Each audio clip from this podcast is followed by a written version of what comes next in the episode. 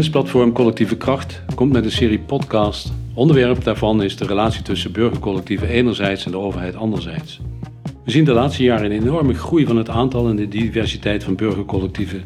Bijvoorbeeld coöperaties op het gebied van zorg, energie en wonen, dorps- en wijkcoöperaties, sociale ondernemingen, voedselgemeenschappen en nog veel meer andere burgerinitiatieven. Gemeenschappelijk kenmerk is de bijzondere vorm van governance, of met andere woorden, de keuze voor zelfbestuur en autonomie. Voor al deze burgercollectieven zorgt de relatie met overheden, en in de meeste gevallen is dat de gemeente, voor belangrijke uitdagingen. Omgekeerd is dat ook zo. Heeft dat met wederzijdse onbekendheid te maken? Wat zijn de ervaringen tot nu toe? Hoe stellen burgercollectieven zichzelf op? Wat is er nodig om die relatie tussen burgercollectieven en overheden te verbeteren?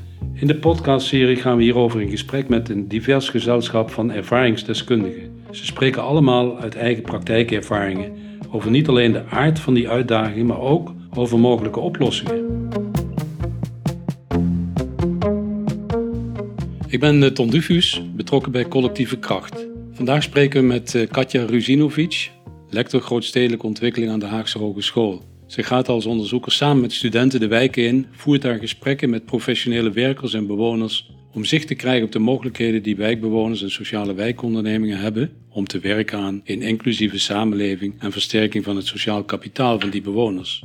Als expert op het gebied van migratie is het haar vanzelfsprekend om te denken en te doen vanuit diversiteit in leefsituaties, achtergronden en culturele kenmerken van de wijkbewoners. We zijn erg benieuwd naar haar ervaringen en inzichten aangaande het spanningsveld dat die bewoners en hun initiatieven ervaren in relatie met de gemeente, met de overheid. Katja, welkom. Dankjewel. Wil je in kort iets vertellen over jezelf, je studie, je loopbaan? Ja, nou, ik heb sociologie gestudeerd aan de Erasmus Universiteit eh, in Rotterdam. Ik heb daar ook mijn eh, promotieonderzoek gedaan. Dat was een eh, studie naar migrantenondernemerschap in de vier grote steden. Waarbij ik een vergelijking tussen de eerste en de tweede generatie migranten heb gemaakt. Nadat ik een aantal jaren aan de Erasmus Universiteit heb gewerkt, ben ik naar de Universiteit van Amsterdam gegaan. Ik heb daar ook nog een aantal jaren bij sociologie gezeten en ben van daaruit naar de Haagse Hogeschool gegaan, waar ik inmiddels lector uh, grootstedelijke ontwikkelingen ben. En wat is, wat is jouw drijfveer om met die grootstedelijke ontwikkelingen bezig te zijn? Nou, voor een deel omdat ik geboren en getogen ben uh, in Rotterdam. En eigenlijk altijd wel een, een, fascinatie heb gehad voor steden. Dynamiek, heterogeniteit van de stad. De kansen, maar ook wel de, de problemen die vaak toch uitvergroot worden in de stedelijke context. Vind ik wel heel fascinerend. En ook om te begrijpen wat je om je heen ziet gebeuren. En dat uh, te kunnen verklaren. Dus dat vind ik wel, ja, dat heeft mij altijd wel geboeid. Hebben dan die sociale wijkondernemingen, hebben die dan ook nu nog je speciale aandacht en waarom? Nou, eigenlijk sinds uh, corona, dus uh, in coronatijd, kunnen we ons denk ik nog allemaal nog wel herinneren, zagen we eigenlijk allerlei initiatieven ontstaan in steden. Of dat nou was het zingen voor een verpleeghuis tot een boodschappenservice in de wijk. Overal ontstonden dat, leek het spontaan dat soort initiatieven te ontstaan. En wij zijn in die tijd samen met uh, Bijske Bootstra, van, ook van de Erasmus Universiteit, zij in Rotterdam, wij in Den Haag hebben een studie gedaan naar van hoe zijn nu die initiatieven ontstaan. En zijn ze ook zo spontaan ontstaan als vaak wordt verondersteld en gedacht? Nou, uit de studie bleek eigenlijk dat veel van die initiatieven vaak al allerlei netwerken en structuren hadden. En op die manier gemakkelijk konden ontstaan, ook in coronatijd, maar eigenlijk daarop voortborduurden. Zie je ze dan als, als een voorbeeld, ja, als een voorbeeld van, van een burgercollectief? Deze initiatieven starten wel vaak met een uh, bevlogen buurtbewoner die iets ziet. De initiatieven die wij hebben gezien zijn vaak geïnitieerd vanuit een, um, een behoefte vanuit de wijk. Dus die, dat wordt gezien en daar wordt ingespeeld. En veelal worden daar allerlei bewoners bij betrokken. Dus voor mij is het, zijn die sociale wijkinitiatieven zijn eigenlijk burgercollectieven op, op wijkniveau. En uh, daarmee zeker wel onderdeel van. En de een is wat meer geformaliseerd dan de ander. Maar het zijn zeker initiatieven op wijkniveau die proberen nou, bijvoorbeeld de leefbaarheid te verbeteren in die wijken. Ja, en die van onderaf functioneren, van onderaf zijn opgericht. En waarbij ja. mensen zelf proberen ook uh, de hand aan het stuur te houden. Absoluut, ja. ja. Je bent lid van de adviesraad Migratie, landelijke adviesraad. Je hebt ook meegewerkt, je, vertelde het net zelf al, aan een drievoudig onderzoek naar de maatschappelijke impact van COVID-19 in grote steden in Nederland. En er zijn een aantal rapporten uit verschenen. Ik vind het mooi om een paar titels te noemen. De laagvertrouwen samenleving is een titel. Een andere is de ongeduldige samenleving. En ook een titel is de verdeelde samenleving. En in die verdeelde samenleving worden mensen met een laag inkomen, minder opleiding, slechte gezondheid, geringe werkzekerheid en vooral ook weinig sociaal kapitaal. Extra getroffen door onder meer de mentale gevolgen van COVID-19, maar ook door de energiecrisis, de klimaatcrisis en dergelijke. Kun je iets over die, die achtergrond, over die rapporten vertellen? Ja, het was inderdaad een studie die we uh, zijn begonnen samen met uh, collega's van de Erasmus Universiteit vanuit de Haagse Hogeschool en vanuit uh, de VU Kieskompas, onder andere in de gemeente. En we zijn het in april 2020 gestart, echt de aanvang van de COVID-crisis. En eigenlijk de rapporten, je noemde al, de titels van die rapporten weerspiegelden eigenlijk wel het gevoelen van dat moment. De eerste studies heten nou, onder andere in Den Haag Berichten uit een stille stad. Nou, dan kunnen allemaal die, die beelden nog herinneren. En de daaropvolgende uh, studie rond de zomer van 2020 ging over de, de, heropening van de samenleving. We veronderstelden dat het allemaal weer, weer beter zou gaan. Maar uiteindelijk eindigde, het laatste rapport was uh, de laag vertrouwenssamenleving. En eigenlijk dat was wel een van de dingen die we, die we vanaf het begin zagen. In het begin was een enorm hoog vertrouwen in de overheid. En dat zagen we eigenlijk gaandeweg steeds meer afnemen tot eigenlijk nou, een, een historisch laagpunt in 22 dat zagen we heel duidelijk. Een ander iets wat we zagen was dat de ongelijkheid, als we het weer terughalen naar het begin, toen was het veronderstelling dat COVID eigenlijk een grote gelijkmaker was. Het werd verondersteld een grote gelijkmaker te zijn, maar eigenlijk zagen we al bij de eerste studie dat bepaalde groepen gewoon veel harder werden getroffen door de coronapandemie. En dat waren met name inderdaad de bewoners in de zwakkere wijken, degene met een, zwakkere positie op de arbeidsmarkt, degene met een uh, tijdelijk contract, jongeren. Dat bleek eigenlijk al vrij snel. Nou, ik denk dat juist zeg maar als het gaat om wat kan je nou voor deze groepen betekenen, ook in het herstel, de, de omstandigheden van de COVID-crisis te verzachten, of nou, je noemde al de energiecrisis uh, te verzachten of de gevolgen daarvan. Ik denk juist dat die wijkinitiatieven, dat die heel erg belangrijk zijn om deze doelgroep te bereiken. Veelal weten ze wat er speelt en waar behoefte aan is. Um, en kunnen daarin ook het verschil betekenen. Als ik kijk naar Den Haag, daar heb je bijvoorbeeld lichtpuntjes van Mariehoeven. Nou, zij... Maar misschien even tussendoor. Dus jij ziet echt mogelijkheden voor burgercollectieven, sociale wijkondernemingen om verandering te brengen aan die verdeelde samenleving, aan die laagvertrouwen samenleving. Ja. En kun je dan een aantal voorbeelden, daar was je mee bezig, een aantal voorbeelden noemen uit Den Haag of Rotterdam? Ja. Als we dan toch nog even in, in coronatijd blijven. Ik denk dat die wijkinitiatieven hebben laten zien, is dat op het moment dat nou, de formele instanties niet aanwezig waren in de wijken, want dat was eigenlijk bijvoorbeeld in Den Haag gaande, uh, mensen van welzijnsorganisaties moesten thuis blijven. En wat gebeurde er? Ja, in die wijken ontstonden allerlei initiatieven om die gevolgen van het wegblijven van die formele instanties te ondervangen. En zij slaagden er bij uitstek in om achter die voordeur te komen en te weten wat, er, wat de gevolgen waren. En daarmee zijn zij een soort cruciale brug, denk ik, tussen de formele instanties en nou, de soms moeilijk bereikbare groepen in wijken. En daarin vormen zij volgens mij een cruciale schakel om ook nou, bijvoorbeeld dat vertrouwen te kunnen winnen. Als, als voorbeeld hiervan uh, nou, lichtpuntjes in Mariahoven, een initiatief in Den Haag. Zij slagen erin om uh, inderdaad achter de voordeur te komen als het gaat om de gevolgen van de energiecrisis. Zij gaan het gesprek aan. Bijvoorbeeld, ze hebben energiecoaches die kunnen helpen en adviseren om energieadvies te geven van hoe zorg je dat uh, de energierekening omlaag kan en wat voor maatregelen zijn daarvoor nodig. En ik ben ervan overtuigd dat zij er wel in slagen om die stap achter de voordeur te zetten, omdat ze lokaal ingebed zijn, omdat ze mensen ze veel al kennen, het initiatief kennen. En daardoor is er al een zekere vertrouwensbasis. En is het gemakkelijk om dat gesprek te voeren en bijvoorbeeld dit soort adviezen te kunnen geven. En dan zijn het mensen uit de wijk die uh, zeg maar de vaardigheden hebben of de kennis hebben om ja. juist die rol te spelen. Ja, is, is dat eigenlijk een van de belangrijkste succesfactoren om zoiets van de grond te krijgen? Ik denk het wel. Ja, volgens mij, waarom zijn deze initiatieven succesvol? Dat is inderdaad omdat het eigenlijk altijd gaat om een bevlogen buurtbewoner die iets ziet, constateert, daar iets aan wil veranderen of wil doen. En vervolgens een netwerk om zich heen probeert te krijgen van mensen die daarin kunnen ondersteunen om een oplossing te, te treffen. Nou, Den Haag ook heb je de participatiekeuken. Ook zo'n initiatief waar nou, ontmoeting centraal staat om bijvoorbeeld eenzaamheid tegen te gaan. Nou, Bellengap is voor velen een bekende ehm, buurtbewoner en kan op die manier ook gemakkelijk mensen aan zich binden en aan zijn initiatief binden. Dat is zeker een van de, van de succesfactoren. Dus die lokale inbedding en die lokale netwerken waar, uh, waar mensen in uh, participeren. En, en, waarom noem je die initiatieven een, een sociale onderneming of een, een gemeenschapsonderneming, zo zou je het ook kunnen zeggen?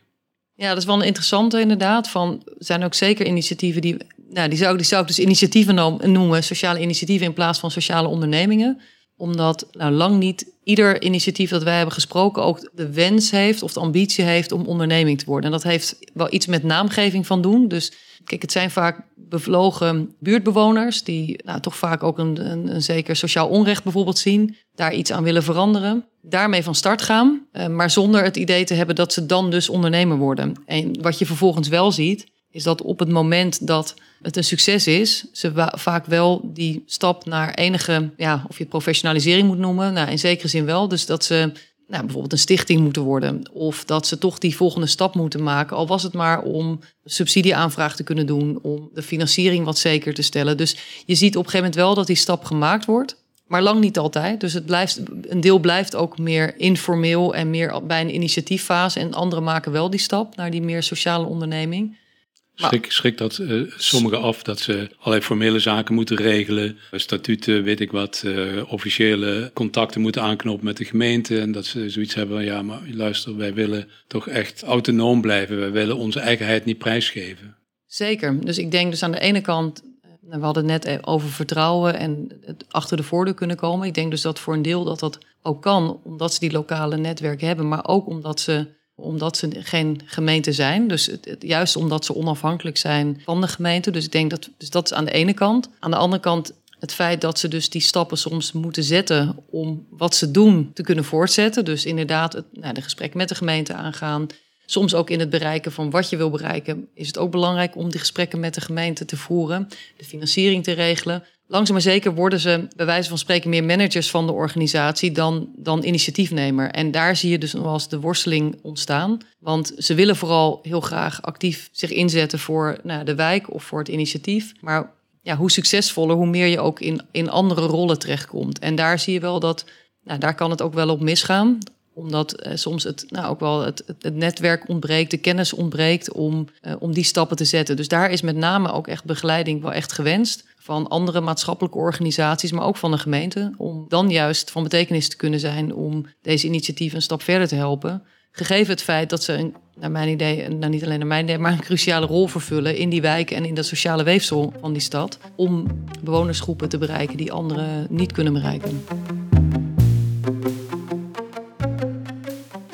Is het dan zo dat een van de problemen misschien ook wel is dat juist die trekkers van het eerste uur, als ze vertrekken vanwege leeftijd of wat dan ook, dan laten ze een leemte achter. Ja. Dat heeft ook te maken met welke governance hebben ze met elkaar ontwikkeld. Is dat formeel, zijn er formele afspraken over, over besluitvorming? Of, Hoe kijk jij er tegenaan? Wel, welke ervaring heb je daarin? Nou ja, dat inderdaad het nadenken over hoe zorg je dat, hoe zorg je dat een initiatief een duurzaam karakter krijgt. Nou, daar zie je dat los van kennis, uh, maar ook netwerken van belang zijn. Dus in hoeverre slagen ze er als initiatief in om een netwerk niet alleen intern te hebben, dus van een dus mensen die zich actief bezighouden met ja, het organiseren van activiteiten, maar ook meer een extern netwerk. Slagen ze erin om ook bijvoorbeeld bepaalde bedrijven achter zich te krijgen of bepaalde organisaties achter zich te krijgen die ze ook ondersteunen, zodat het langzaam maar zeker een, toch eigenlijk een soort governance krijgt waarmee het wat minder afhankelijk wordt van die ene, ene persoon.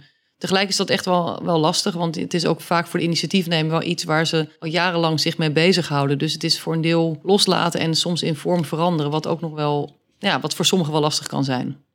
Is het in de wijken waar jij actief bent, waar jij de voorbeelden van kent, uh, in, die, in die grootstedelijke omgeving, lastiger om die heel divers samengestelde bevolking bij zo'n initiatief te betrekken? Nou, ik denk dus dat Eigenlijk wat we, wat we ook net bespraken, dat dus die, die initiatiefnemers, die lokale initiatiefnemers, daarin een cruciale rol vervullen en zij daar dus ook wel in slagen. Dus het is denk ik vaak, wat je ziet is dat alles wat van bovenaf een wijk in wordt gelanceerd, zeg ik het maar even, dat dat een vrij kleine kans van slagen heeft. Juist omdat het van bovenaf gelanceerd wordt. En zo ervaren bewoners dat ook. Van er komt weer er is weer een, een beleidsprogramma bedacht of er is weer, we moeten weer dit. Daar ontstaat al automatisch een zekere weerstand bij bewoners om daaraan mee te doen. Terwijl het grote verschil bij deze sociale ondernemingen of wijkinitiatieven is, is dat zij inspelen op een behoefte die zij zien en waarvan ze weten dat, dat daar een vraag naar is. Dus dat is volgens mij een heel andere benadering, echt omdat het bottom-up gebeurt. En zo bezien slagen zij er dus wel in om die groepen te bereiken die, die andere organisaties of formele instanties niet kunnen bereiken. Omdat daar, nou ja, we hadden het net over dat afnemende vertrouwen, omdat het afnemende vertrouwen daar echt in de weg staat. Dus en denk je dat die, uh, die bewonersinitiatieven, die sociale wijkondernemingen, bij machten zijn om het vertrouwen in de overheid en in de samenleving in het algemeen te herstellen? Ja, ik denk dus dat zij daarin echt wel een, uh, een brugfunctie vervullen. Doordat zij groepen kunnen bereiken die nou, wat verder afstaan van um, soms van de samenleving of echt lastig te bereiken zijn. Doordat zij die kunnen bereiken, kunnen zij wel zijn ze ook bij macht om dat vertrouwen te herstellen. Tegelijk is dat ook soms balanceren tussen het vertrouwen dat er is, op een goede manier inzetten voor de bewoners en tegelijkertijd een zekere onafhankelijkheid behouden ten opzichte van de gemeente. Dus het is wel soms zoeken naar de juiste balans daarin. Daarom denk ik dat het belangrijk is dat gemeenten zich bewust zijn, en gemeenten zijn dat zich wel, maar dat ze zich bewust zijn van het belang van deze initiatieven.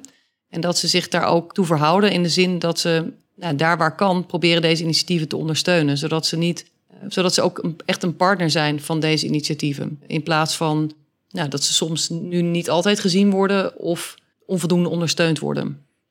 Heeft het ook te maken met dat het zelfvertrouwen, dus niet het vertrouwen in de overheid, maar het zelfvertrouwen van de mensen zelf, ook een, flinke push krijgt door uh, dit soort initiatieven? Nou, ik denk wel, deze initiatieven zijn eigenlijk. Veel van de initiatieven die wij hebben gesproken, laat het zo zeggen, zijn inderdaad gericht op het zorgen voor een beter bestaan van deze buurtbewoners. Dus of het nou gaat om ondersteuning op het vinden van werk, ondersteuning in het verkrijgen van allerlei basale levensproducten, ondersteuning bij onderwijs. Uh, er zijn op allerlei facetten worden uh, deze buurtbewoners door die initiatieven op weg geholpen eigenlijk in uh, nou, het, het, vinden weer van een, positie in de samenleving of het, het, vinden van een sociaal netwerk.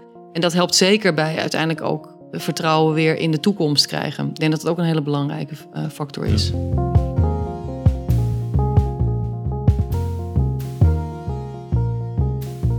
We even nog inzoomen op de relatie met de gemeentelijke overheid. Je zou kunnen zeggen dat experimenten met de democratie en met migratie en diversiteit, die spelen vooral op lokaal niveau. Via burgercollectieven en sociale ondernemingen is het namelijk mogelijk om bewoners heel actief bij de publieke zaak te betrekken. Kijk het even vanuit een ander perspectief.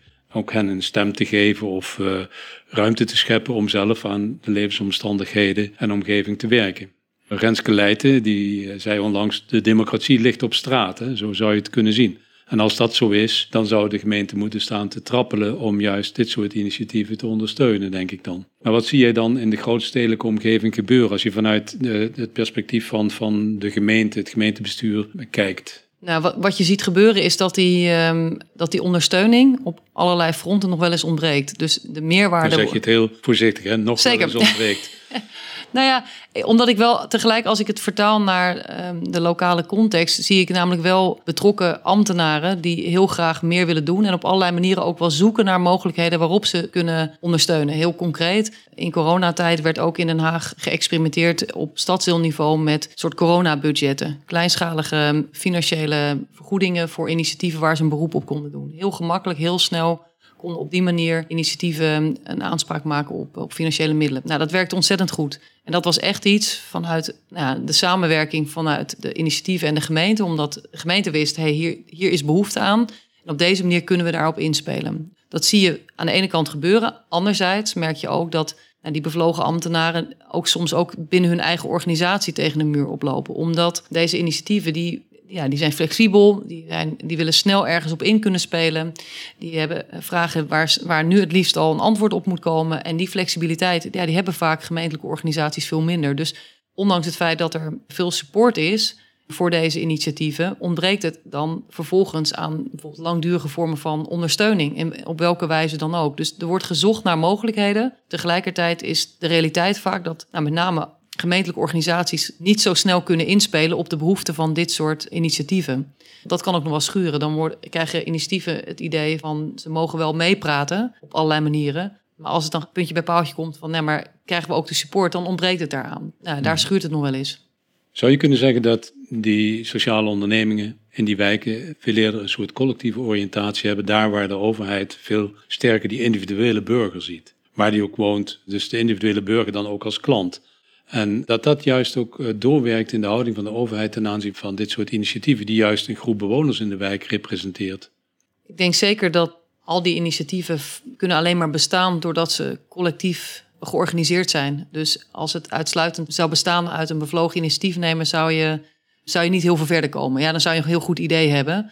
Maar het succes zit er zeker in dat het een collectief is van onder andere vrijwilligers, intern, extern. Dat het ook maatschappelijke organisaties aan zich weet te binden. En als het even kan, ook de gemeente als partner heeft. Dus het is inderdaad een andere manier van aanvliegen van een, bijvoorbeeld een sociale problematiek. Dat doe je namelijk door een collectief te organiseren die probeert dat probleem in de wijk te ondervangen. Bijvoorbeeld op het moment dat, ook in coronatijd, maar de voedselbank sloot. Ja, toen ontstonden er opeens allerlei initiatieven in wijken waar voedsel werd uitgedeeld. Maar ja, daar heb je heel veel handen voor nodig en daar heb je draagvlak voor nodig om dat vervolgens weer te kunnen ondervangen.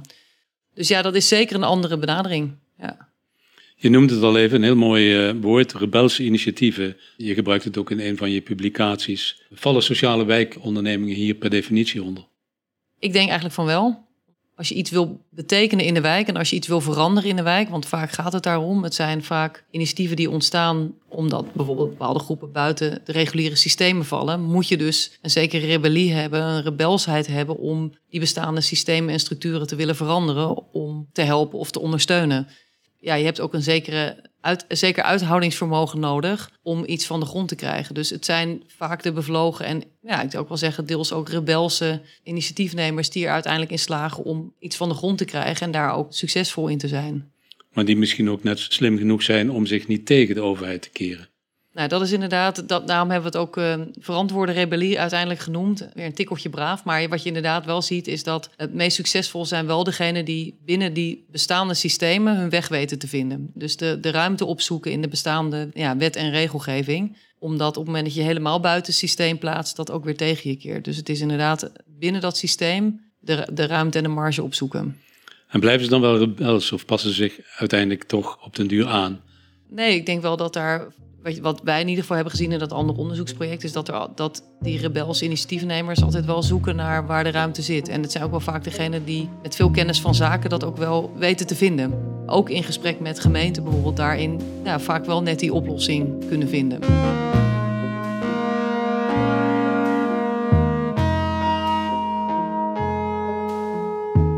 We hebben het er nog niet over gehad, maar het is wel interessant om te kijken wat de rol van professionals in, dit verband is binnen die sociale wijkonderneming. Ja, Kun je daar iets over zeggen? Nou ja, wat je ziet is dat, nou, naar mijn idee, zouden juist die professionele of die formele organisaties en die meer informele lokale netwerken, die zouden elkaar heel erg mooi kunnen aanvullen en versterken. Maar, zou ik willen zeggen, dat gebeurt helaas niet altijd. Omdat je voor een deel ziet dat er twee, toch twee werelden zijn die zich soms lastig tot elkaar verhouden. Dat heeft deels met vertrouwen te maken. Dat heeft deels te maken met het kennen van elkaars manier van werken. En nou, waar vind je elkaar vervolgens? Maar daar waar ze elkaar weten te vinden en weten samen te werken op een goede manier met ieders eigen positie in die wijk. Ik denk dat je dan heb je volgens mij een hele mooie basis ook voor, ook voor buurtbewoners. Omdat je vaak in dat eerste contact zijn vaak die informele of die sociale wijkonderneming heel belangrijk. Maar vervolgens is toch ook wel die, zijn die professionals ook van belang in het uiteindelijk verder helpen van die uh, bewoners. Nou, even naar de thematiek van inclusiviteit. Hè. Ik denk dat zowel voor de bewonersinitiatieven, eh, wijkondernemingen als de gemeente het uitgangspunt is. Die grootstedelijke omgeving, wijken met een zeer divers samengestelde bevolking. In Rotterdam uh, geloof ik al 50% van de inwoners met een migratieachtergrond. Dus dan is ook de vraag, lukt het die initiatieven om, dat, om een inclusief proces van start, opbouw en ontwikkeling van die uh, initiatieven te realiseren? En hoe doen ze dat dan? Als je naar, naar, een aantal wijken kijkt, of naar Den Haag of Rotterdam, is er ontstaan zoveel van verschillende initiatieven, dat je wel ziet dat die hoeveelheid van initiatieven met elkaar raakt echt wel een hele grote en brede groep van, van bewoners. Een groen initiatief, om er iets te noemen, of een initiatief dat zich meer op energie richt, daarvan zie je dat het vaak andere buurtbewoners trekt dan degene die nou, zich richt op nou, het verlenen van het uitdelen van, van levensmiddelen, om er iets te noemen. Dus je zal in één initiatief niet de grote diversiteit veelal zien van buurtbewoners. Maar met elkaar en opgeteld heb je wel een heel breed, breed spectrum van de bewoners in de wijk of in de stad. En wat zijn eventueel drempels om die inclusiviteit eh, wel sterker te maken? Nou, dat heeft voor een deel soms ook wel te maken, is onze ervaring met um, nou, gewoon de naamgeving. Dus we hebben En heel, iets heel anders hoor. Maar we hebben, nou niet heel anders trouwens. We hebben ook onderzoek naar placemaking gedaan. Waarbij het dus gaat om nou ja, initiatieven in de, in de fysieke omgeving om mensen meer een thuisgevoel te geven. Alleen al een term als placemaking kan bij bepaalde buurtbewoners denken van ja, daar heb ik helemaal niks van doen. Terwijl op het moment dat je zegt van hé, hey, maar we gaan nadenken over deze plek of over dit plein of over dit specifieke stukje groen. En Zo in de geest van waar voel jij je bij thuis ja, of iets? bijvoorbeeld. Dan, of waar wil je mensen ontmoeten? Waar wil je mensen ontmoeten? Van, eh, wat is daarvoor nodig? dan kan je opeens al een heel andere groep bewoners trekken. Dus het is soms echt puur in de communicatie en in taalgebruik waarmee je al drempels op kan werpen. Het kan ook met thematiek te maken hebben. Op het moment dat jij, en dan toch ook weer over, over dat plein, als je aan het worstelen bent met hoe je rond kan komen en hoe je de maand uitkomt, dan is misschien niet jouw grootste zorg hoe het plein ingericht wordt en of, dat, of je er wel of niet thuis voelt, want dan ben je vooral bezig met de maand eh, rond te komen. Dus dat kunnen ook barrières zijn van de staalgevoel van urgentie of het aansluiten op, op jouw behoeften of wensen. Daarom denk ik niet dat ieder initiatief op voorhand al die verschillende doelgroepen of groepen aan zich moet binden, zolang je maar oog houdt dat, dat die diversiteit aanwezig is in wijken. Dus dat je niet alleen maar wijkinitiatieven hebt die gericht zijn op bepaald type buurtbewoners, maar dat je juist die diversiteit hebt om al die verschillende bewoners te betrekken bij wat er in de wijk speelt. Eigenlijk de brede range van wijkinitiatieven. Ja. En de onderlinge netwerken die dat, die dat eh, gaan vormen, dat, ja. dat, is een hele belangrijke. En dat daar ook kennisuitwisseling want of je je nu richt op de energietransitie of op uh, nou, het inrichten van een plein of op het uh, uitdelen van bepaalde levensmiddelen. Daar zitten natuurlijk allemaal gedeelde lessen in. En ik, nou, dat is denk ik ook wel de rol die wij ook wel zouden willen, wij ook willen spelen en hopelijk ook spelen in wijken, is dat je die kennis ook kan zorgen voor die kennisuitwisseling onderling. En in, initiatieven ook kan ondersteunen in vragen die zij hebben. We hebben een aantal workshops bijvoorbeeld georganiseerd voor initiatiefnemers. Dan ging het over vragen die speelden rondom financiën of informatievoorziening. En daar lopen ze eigenlijk of ongeacht initiatief tegen vergelijkbare vraagstukken aan. En ik denk dat je daarin op wijkniveau zou je ook, nou, of het nou een community of practice is of op een andere manier, zou je eigenlijk moeten zorgen dat die kennis en ervaring uitgewisseld kan worden. Daar spelen jouw studenten een rol in? Ja, onder andere en ook de onderzoekers binnen het kenniscentrum en lectoraat. Ja, Die gaan de, de wijk in en die proberen met mensen te praten en dat soort thema's boven tafel te krijgen. Ja. Suggesties op te doen. En inderdaad, bijvoorbeeld, vorig jaar hadden we een drietal um, workshop sessies, ook mede georganiseerd door studenten, waarbij allerlei maatschappelijke organisaties ook werden uitgenodigd om kennis te delen, bijvoorbeeld rondom financiering of los van de gemeente. Wat zijn andere vormen van financiering? Waar kan je dan terecht? Uh, maar ook als het gaat om professionalisering. Gegeven het feit dat niet iedereen misschien die stappen wil zetten, maar als je dan toch een stichting wil worden, hoe doe je dat dan eigenlijk? Allemaal van dat soort vrij praktische vragen, maar waar wel veel initiatieven bij geholpen zijn. Oké, nou ik wil naar de, de, afronding toe. We praten al over je lectoraat. wat ik heel interessant vind om te horen als, als een laatste stukje van deze podcast is... Wat wil jij via je lectoraat, eigenlijk de combinatie ook van wetenschap en praktijk, de komende drie à vijf jaar bijdragen aan het welslagen van die sociale wijkondernemingen en aan de inclusie en versterking van het sociaal kapitaal van de mensen in die wijken? Ja, Gegeven het feit dat deze wijkinitiatieven zo, belangrijk, zo van belang zijn voor het sociale weefsel in de stad, is het voor ons echt een thema waar we de komende jaren ons op blijvend willen richten. En dat willen we niet alleen doen door onderzoek te doen en daar rapporten over te schrijven, maar ook echt kijken van hoe kunnen wij van betekenis zijn voor die wijkinitiatieven in de wijk. En dat kan zijn door nou, zoals geschetst, uh, workshops organiseren waarin we heel concreet kennis kunnen bieden over bepaalde thema's waar, waar wijkinitiatieven tegenaan lopen. We willen ook dus het idee van een community of practice, waarbij je zegt van nou, als je kennis of al die wijkinitiatieven een aantal bij elkaar zet, om daar ook onderling kennis uit te wisselen en waar zitten dan vervolgens behoeften en wensen. Maar ook studenten, die hebben ook kunnen ook op allerlei manieren eh, van betekenis zijn. Soms heel praktisch in het organiseren van een bijeenkomst voor een wijkinitiatief. Of het helpen met het schrijven van een, uh, een businessplan. Of die, kunnen al dat soort vormen van ondersteuning. Daar willen we in ieder geval ons ook actief voor inzetten. Dat we ook daadwerkelijk kunnen bijdragen aan die wijkinitiatieven. Um, en dat ze daar ook iets aan hebben. En dat wij ons daar ook mee bezighouden vanuit het lectoraat. Mooi om te horen. Actief in het veld. Actief ook om uh, de kennis die jullie opdoen uh, met anderen te delen. Zowel in de wijk, maar ook daarbuiten met andere wetenschappers. Mag ik je danken voor dit gesprek. Graag gedaan. Dankjewel. Deze podcast is een productie van kennisplatform Collectieve Kracht. Wil je dieper duiken in de wereld van burgercollectieven of ben je zelf lid van een burgercollectief? Meld je dan aan voor de nieuwsbrief op collectievekracht.eu en leer over verschillende soorten burgercollectieven. Van coöperaties op het gebied van zorg, energie, wonen en voedsel tot bewonersinitiatieven in dorpen en stadswijken gericht op groen, sociaal welzijn en leefbaarheid. Maak deel uit van deze beweging van actieve burgers en sluit je aan op collectievekracht.eu.